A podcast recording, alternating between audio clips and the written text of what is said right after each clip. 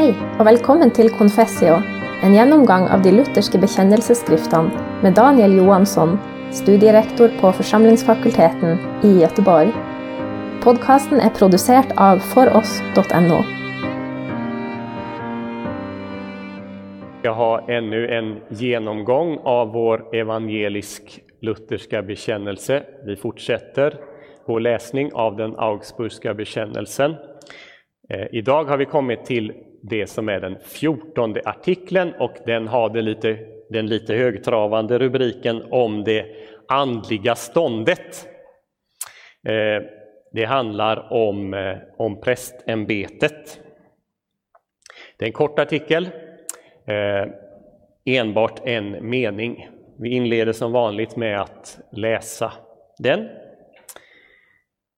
Om det andliga ståndet lär de att ingen utan vederbörlig kallelse bör i kyrkan predika offentligen eller förvalta sakramenten.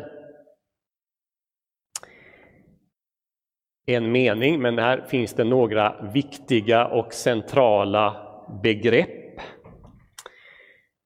Det främsta begreppet här är det som på svenska uttrycks med vederbörlig kallelse. På latin blir det rite vocatus. Vi ska strax återkomma till det. Men först så lägger vi märke till det som stod sist i den här satsen, att predika offentligen och förvalta sakramenten.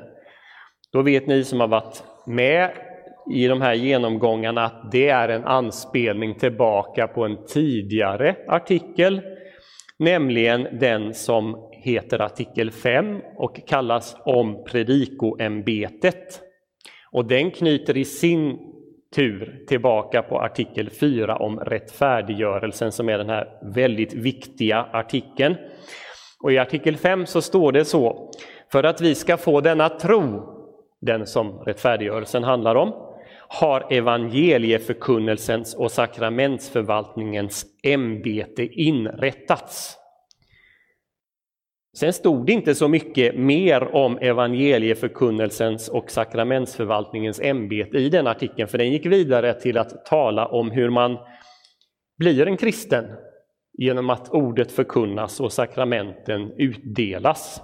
Alltså det som den som innehar ämbetet sysslar med. Men nu i vår artikel 14 så kommer det lite mer om det här med predikoämbetet eller det andliga ståndet. Så det är det första, att vi knyter ihop 14 med artikel 5. Det andra är ordet offentligen. Det det nu handlar om är att predika offentligt, därför att det finns ett inofficiellt också. Enligt katekeserna som vi har i, vår, i våra bekännelseskrifter lite senare, så åligger det varje familjefar att ta ansvar för förkunnelsen, för eh, samlandet kring Guds ord där hemma. Så det finns ett icke-offentligt.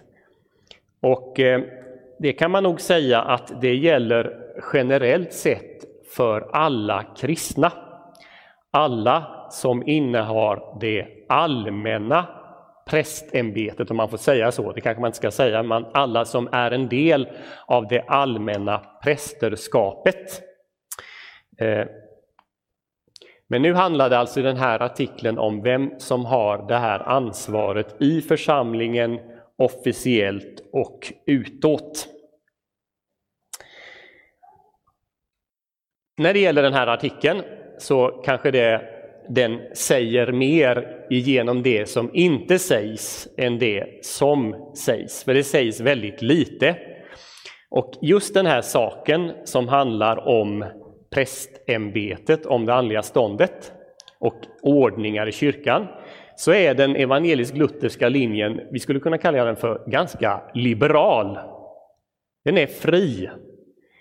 Den är fri i förhållande med den, i, den romersk-katolska, som har väldigt specifika ordningar om vad som gäller och inte gäller. Och den är fri även i förhållande till reformerta ordningar som också har väldigt mycket att säga. Och jag tror att bland er som är samlade här idag och ni som lyssnar på nätet, ni kanske har olika erfarenhet om hur ordningar i lutherska kyrkor kan se ut. Ehm, i den svenska kyrkan och i den svenska reformationen så kom man att i hög grad bibehålla de gamla ordningarna med stift och biskopar. Och det finns särskilda historiska skäl till det. I Tyskland så kom man att inte göra det och det fanns vissa skäl till det. Men vare sig det är en tysk kyrka eller en svensk eller en dansk eller en kyrka nere i Tanzania Ehm, och ordningarna kan där se olika ut, så är det likväl kyrkor som följer den evangelisk-lutherska bekännelsen. Men i den här saken så råder i hög grad frihet. Det finns dock vissa ordningar. Och den ordningen som slås fast i den här artikeln, den slås fast med just det här begreppet vederbörlig kallelse, eller rite vocatus. Att man är kallad i enlighet med riten eller i enlighet med seden. Och då är frågan, vad betyder det? Det intressanta är nu att när de påvliga teologerna granskade den här artikel 14 så hade de faktiskt ingen kritik att komma med. De accepterade den. De accepterade den nämligen under förutsättning att det här handlade om att man blev kallad enligt kyrkans bestämmelse, enligt de gamla kanones, enligt de gamla lagarna. Då kunde man acceptera det, att man följde kyrkans bestämmelse. Men, sa de i svaret, den är kallad på ett riktigt sätt, som är kallad enligt Aron, och det är en anspelning på Gamla Testamentet. Inte den som är kallad enligt den jerobeamitiska kallelsen. Och ni som har bibelkunskapen klar för er vet vad det där handlar om. Jerobeam, det var ju han som blev eh, kung i Nordriket efter Salomo. Och vad gjorde han? Jo, han bröt med ordningen eh, eh, en präst enligt Arons släkt i Jerusalems tempel. Istället så inrättade han nya tempel längst upp i Dan och längst ner i söder i Betel i sitt nordliga rike och han hade sina egna präster. Det är fel, säger man i svaret, men om man följer den goda ordningen enligt Aron så att säga så är det ett rätt sätt att uttrycka sig. Ja, det här ger Melanchthon nu anledning att faktiskt lite närmare förklara vad han menar med. Och då svarar han ungefär så här. Om bara kyrkans biskopar, de som bestämmer, tillåter att vi tillsätter präster som predikar evangelium och förvaltar sakramenten på det sätt som Bibeln anger och som man har fastslagit i artikel 5, då har vi inga problem med ordningarna som råder. Då kan vi följa dem. Problemet, säger Melanchthon, är att de här prästerna, de som lär evangelium, de förföljs av biskoparna, av påven. Och är det på det sättet, då måste det finnas andra vägar fram. För det viktiga och det avgörande det är att Guds ord lärs, att sakramenten förvaltas på rätt sätt. Och då blir nästa fråga, vad är det som behövs? Kan man tillsätta präster, utse folk lite, lite hur som helst? Nej, svarar eh, Melanchthon. Det finns något avgörande, något som vi inte eh, ger avkall på. Och den saken vi inte ger avkall på, det är att den som är kallad att förkunna och att eh, förvalta sakramenten måste vara kallad av kyrkan, av församlingen. Och här lägger den evangeliska lutherska bekännelsen ett, ett särskilt ansvar faktiskt på lokalförsamlingen. Inte så att det är enbart lokalförsamlingen, det är upp, enbart upp till lokalförsamlingen att kalla någon till präst. Det finns andra ordningar som man accepterar. Till exempel så kan man bli kallad till präst av en stiftsledning och en biskop och den biskopen kan skicka ut eh, prästen till församlingen. Men församlingen har en vetorätt enligt evangelisk luthersk uppfattning skulle man kunna säga. Församlingen kan säga nej till, till en präst. Det är, det är ordningen. Men mycket mer än så säger inte vår bekännelse. Man kan ha biskopar och man kan egentligen vara utan dem i strikt mening, men det ska råda en god ordning. Och det som är det väsentliga här, det är att man, vem som helst får inte bara uppträda som präst på eget bevåg, utan det måste ske efter en god och fastställd och riktig ordning. Och den personen ska också ha kyrkans kallelse och den lokala församlingens kallelse. Ehm, det är ungefär det som står i den här artikeln. Det finns lite mer att säga eh, i bakgrunden. Och, och, det är en sak som Melanchthon inte tar upp och det är det som handlar om det allmänna prästadömet. Anledningen till att den här artikeln kom med eh, är förmodligen den att det fanns en, eh, en av Luthers skarpaste motståndare, han hette Eck. Och han hade ställt upp 404 är det väl, artiklar emot eh, olika svärmare och, och, och, mot Luther och Melanchthon. Han hade liksom sammanblandat allt och allihopa. Och han hade tagit fasta på det att Luther hade talat om ett allmänt prästadöme i vilket alla kristna ingick. Och utifrån det anklagat de lutherska för att det egentligen inte finns något särskilt prästämbete kvar. Och eh, på det svarar så att säga den här artikeln, jo det finns det och det finns en ordning för det. Men Luther hade i några tidigare skrifter talat om ett allmänt prästadöme som innehas av alla som är kristna. Och där i ligger också det ansvaret som ligger bakom det att församlingen har ett ansvar vid kallelsen av en person till prästämbetet. Att det finns alla, alla kristna tillsammans är, är myndiga. Det innebär dock inte liksom någon sån här total eh, demokratisk syn på kyrkan, att det, det räcker liksom med att om det är tillräckligt många i församlingen som kallar någon så kan man tillsätta någon. Det finns andra aspekter att ta upp. Det gäller att följa en god kyrklig ordning och så vidare. Det beror på vilket sammanhang, eh, sammanhang man står i. Men men det Luther tar fasta på där i de tidiga skrifterna och som också är en luthersk uppfattning, det är att, att prästen vid prästvigningen inte får någon särskild oförstörbar gåva så som man menar i romersk katolsk teologi.